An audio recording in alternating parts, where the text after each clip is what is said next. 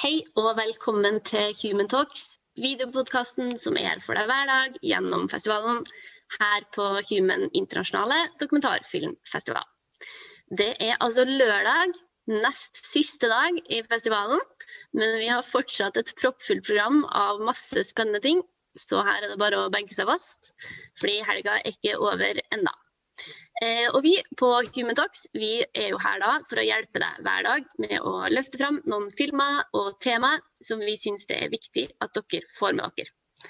Og i dag så skal vi snakke litt om de filmene på programmet som tar for seg protest og demokratikamp, og også litt om de norske filmene som vi har å tilby. Så da har jeg fått med meg Anders Sømmehammer, som er journalist og regissør av filmen 'Do Not Split', som er på årets program. Vi har med oss Kristine Ann Skaret, produsent i Stray Dog Production og tidligere konsulent for Norsk Filminstitutt. Og ikke minst vår egen Even Sebastian Skallerud, programansvarlig ved festivalen.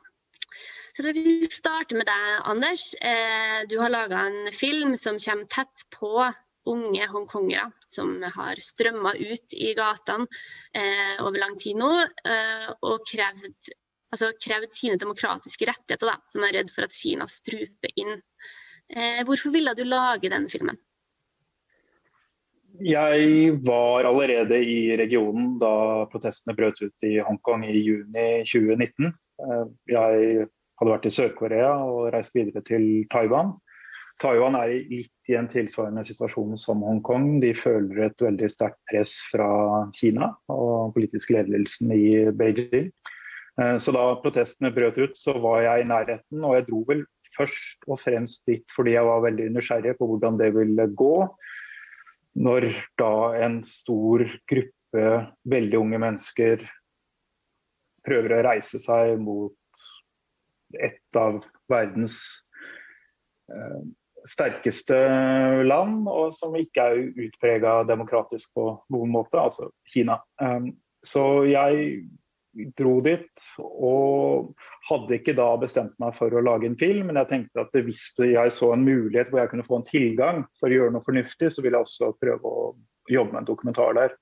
Eh, og så fikk jeg da en idé om at jeg skulle prøve å lage en veldig fysisk film og være så tett på demonstrantene som mulig. Det var veldig interessant å være ute i gatene i Hongkong. Det var også utrolig fascinerende å se hvordan demonstrantene organiserte seg. Eh, vi hører veldig mye negativt om det som skjer i Hongkong nå gjennom nyhetene, men på den tiden der så var det også en veldig positiv og fin stemning til tider i gatene. Hvor det var en, en sånn solidaritets eh, mellom, mellom demonstrantene som jeg også hadde lyst til å skildre. Da. Så det var det var, for meg så var det et eksperiment å prøve å se hvor tett jeg kunne komme på demonstrasjonene. Og jeg ville lage en film hvis jeg trodde det ville fungere. Og, og det, sånn ble det. Og du kommer jo tett på noen av de her unge demonstrantene, som du også sa at du var veldig nysgjerrig på, hvordan de liksom sto opp mot et av verdens mektigste land. Eh, hvordan vil du beskrive den generasjonen hongkongere som du da fulgte og liksom fikk innpass hos? Så veldig mange av demonstrantene som leda an i demonstrasjonene, var veldig unge. De gikk enten på universitetet eller de var enda yngre. Eh, det var ganske mange tenåringer også eh, blant dem. Eh, så dette var mennesker som har blitt født etter at Hongkong ble overlevert fra Storbritannia til Kina. Hongkong var tidligere en britisk koloni. Avtalen var da at Hongkong skulle ha en form for selvstyre i 50 år, eh, hvor de, de skulle styres politisk og juridisk på en annen måte enn det vi kaller fastlandskina. Det man så i 2019 var at dette systemet var ble veldig sterkt utfordra fra Kina. Og det så ut som at Kina ikke hadde tålmodighet lenger til å vente i 50 år engang, men ville dure på å omskape Hongkong til en hvilken som helst annen by i fastlandskina. Uh, og det, det, er ikke veldig kontroversielt å hevde at uh, fastlandskina i dag ikke er et demokrati. Eh, det er ikke frie valg, man har ikke den samme pressefriheten og ytringsfriheten som man hadde i Hongkong. Og de unge demonstrantene var da livredde for å miste disse grunnleggende menneskerettighetene. Eh, og de følte vel også at de ikke hadde så mye å tape, at de sto opp for å forsvare byen og var redd for å miste hjemmet sitt. Akkurat i de her dagene så ser vi jo et, et annet land i Asia der unge folk strømmer ut i gatene og krever demokrati i, i Myanmar. Eh, når du følger det hjemmefra, da, liksom fra et pandemikontor, ser du noen likheter der med det du sjøl opplevde når du var i Hongkong og følte protestene på nært hold der?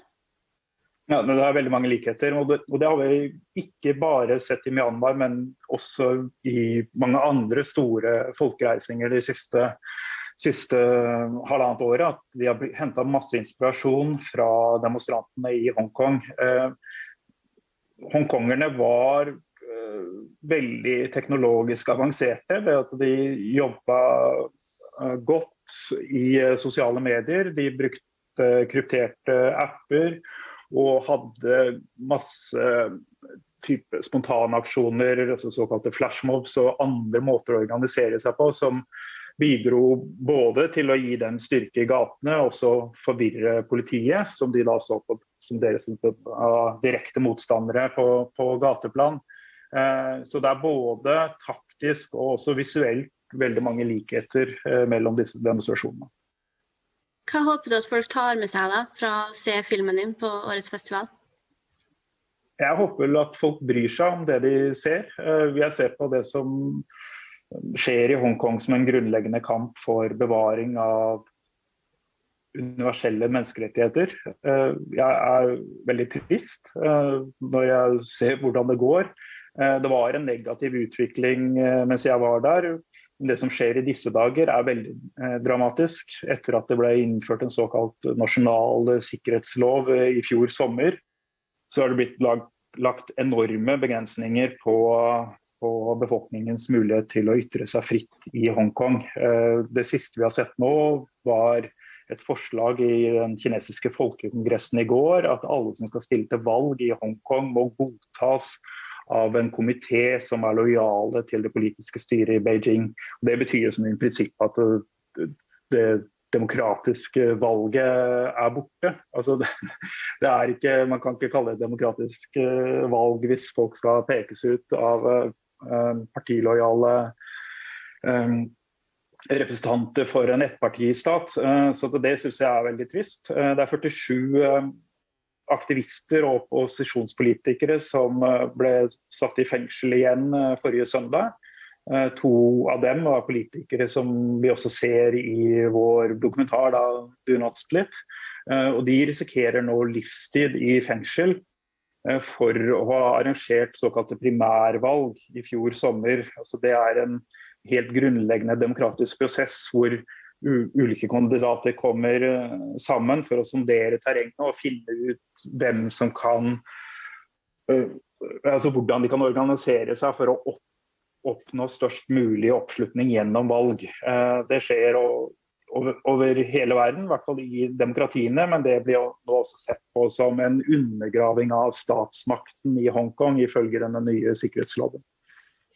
Den kampen som eh, Anders beskriver her for demokrati og grunnleggende menneskerettigheter, eh, og som eh, du også beskriver i filmen din, Anders, den er jo et viktig tema for festivalen. Og Even, det er jo også flere andre filmer på programmet i år som tar for seg denne kampen. Er det noen du vil trekke fram? Ja, vi har et stort program på festivalen som handler om, handler om protest, også i en bredere forstand. Så mange filmer man kan se. Så hvis man går inn på filmplattformen vår, så har vi en egen kategori for, for protestfilmer, der hvor bl.a. Anders sin, sin film er.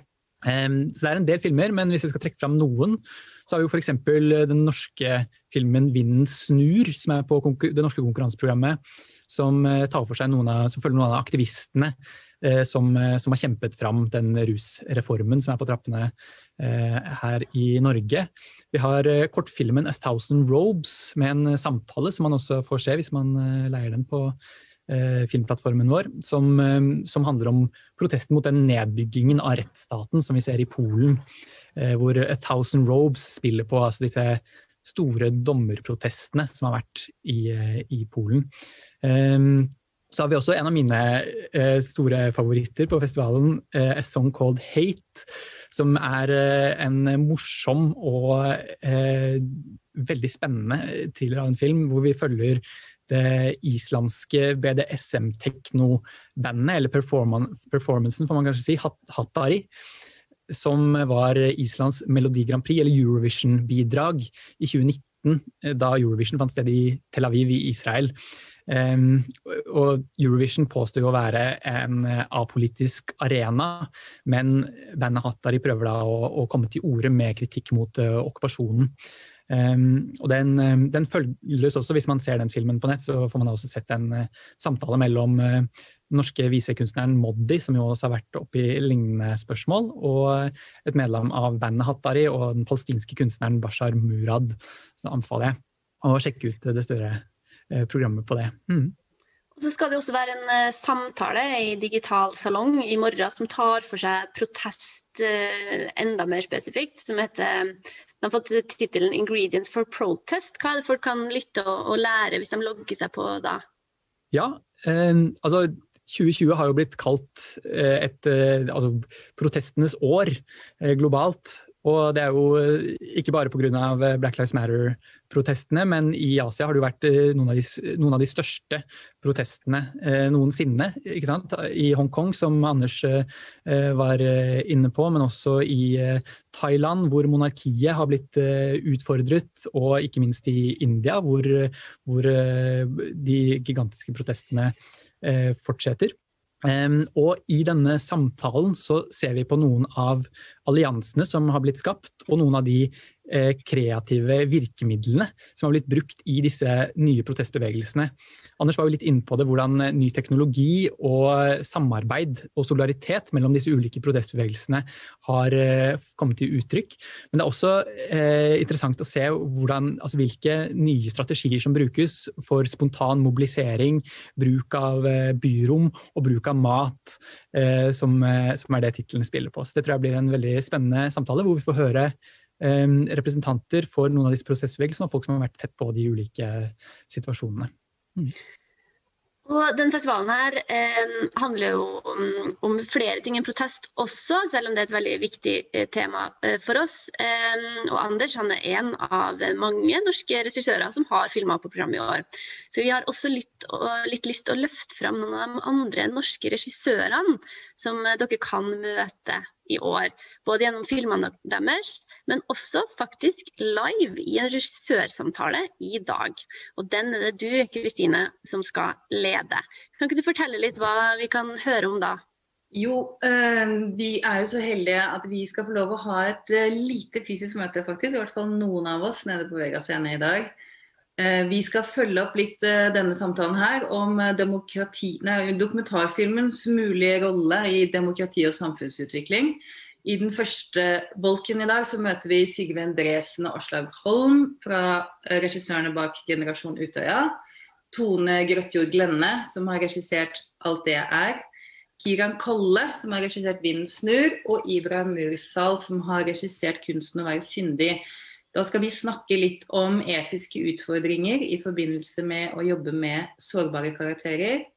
Og også litt om hvor mye en dokumentarist i dag kan tillate seg å mene eller ta et standpunkt uten å bli beskyldt for å være mikrofonstativ. Um, så det gleder jeg meg til. Uh, så skal vi ha en ny bolk der vi møter Merete Offerdal Tvedt fra Odelsgutt og fantefølge, Silje Evensmo Jacobsen fra Tro kan flytte fjell, Fredrik Horn Akselsen fra Nordlands Jeanne d'Arc og Hans Lukas Hansen fra Jakten på tonetreet.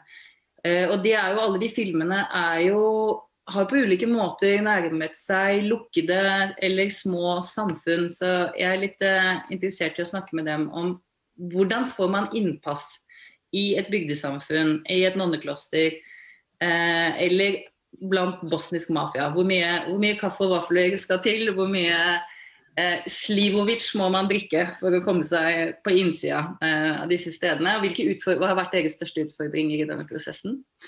Og så har vi jo også to store internasjonale regissører i det norske konkurranseprogrammet, som eh, Firose Koroswani, eh, som har laget 'Radiograph of the Family'. Norskprodusert film som vant hovedprisen på IDFA i år. Og Viktor Kosakowski, som nå er shortlistet med Gunda, som også jobber med norske produsenter. Så da er vi selvfølgelig litt interessert i å høre hvorfor de jobber med norske produsenter, og hva, hvordan det samarbeidet har fungert. Og selvfølgelig også hvordan det er å være shortlistet til en Oscar. Så det gleder jeg meg til. Det er mange som sier at det, det, er to ting du ikke vil vite. Det er hvordan du lager dokumentarfilm og hvordan du lager pølser. Så hvis man vil leve i uvisshet, så bør man ikke følge med på det programmet i dag. Jeg vil ikke leve i uvisshet, så det gleder jeg meg til. Men uh, aller sist, du som har vært i bransjen lenge, hvordan vil du si at uh, norsk dokumentarfilm altså, hvor, hvor, står den i dag, og har den endra seg mye de siste årene? Absolutt. Altså, norsk dokumentarfilm eh, vokser jo eh, nå Ja, nå er vi helt inne på en Oscar-nominasjon. Det er jo selvfølgelig um, det er selvfølgelig kjempespennende. Det skjer så mye rart. Jeg tror at I denne sessionen vi skal ha med disse regissørene, så får vi se litt av det mangfoldet som norsk dokumentarfilm representerer. Det er eh, veldig mange forskjellige tematikker, veldig mange forskjellige arbeidsmetoder og innganger og uttrykk eh, blant disse filmene. Og vi kommer til å dele ut en hemmelig liten premie på slutten av dette programmet i dag. Yes, du er god til å eh, lokke oss inn, så det her må vi få med oss eh, alle sammen. Eh, Even, hvorfor arrangeres det egentlig sånne her type møter på festivalen også? Ja, altså Nå er vi jo i den triste situasjonen i år at det blir lite Q&As i kinosalene. Det er jo lite som foregår her bak meg eh, i, i, år, så da må vi jo gjøre det beste ut av det. Så da har vi samla opp rett og slett eh, til et maraton med, med regissørsamtaler med Kristine som, eh, som, moderator. Så det er en, på en måte en mager trøst, men jeg tror det blir riktig spennende. Så en ting som også, en oppfordring er også til, eh, til de som har sett disse filmene, å forte seg å, å sende inn spørsmål på Facebook-eventet der. Så hvis det blir tid, så kan da Kristine også videreformidle det. Og Kristine var jo innom en liten premie som hun har i ermet eh, der. Men det skal jo også skje eh, prisutdeling i kveld. Even, kan ikke du si kort bare hva, hva det er for noe? Ja, i kveld klokka sju så har vi prisutdelingsseremoni. Da deler vi ut eh, Human Rights Human Wrongs-prisen for beste menneskerettighetsdokumentar, eller rettere sagt Anders, som eh, er jurymedlem, ehm, eh, deler ut den. Og vi deler ut Human-prisen for beste norske dokumentar. Så følg med klokka sju i kveld. Vil du røpe noe her nå, Anders? Nei, det vil jeg ikke. Eh, men det var utrolig fine filmer. Det har vært da ti filmer inn i internasjonale konkurranseprogrammet som var veldig forskjellig og veldig imponerende. Eh, så det har vært en glede å sitte i juryen da, sammen med de to andre. Da gleder vi oss til det og til resten av dagen i dag, og ikke minst dagen i morgen også. Eh, og så sier vi tusen takk til alle dere tre for at dere var med i Human Talks i dag. Vi er tilbake i morgen, men følg med på festivalen hele helga. Takk skal dere ha, alle sammen.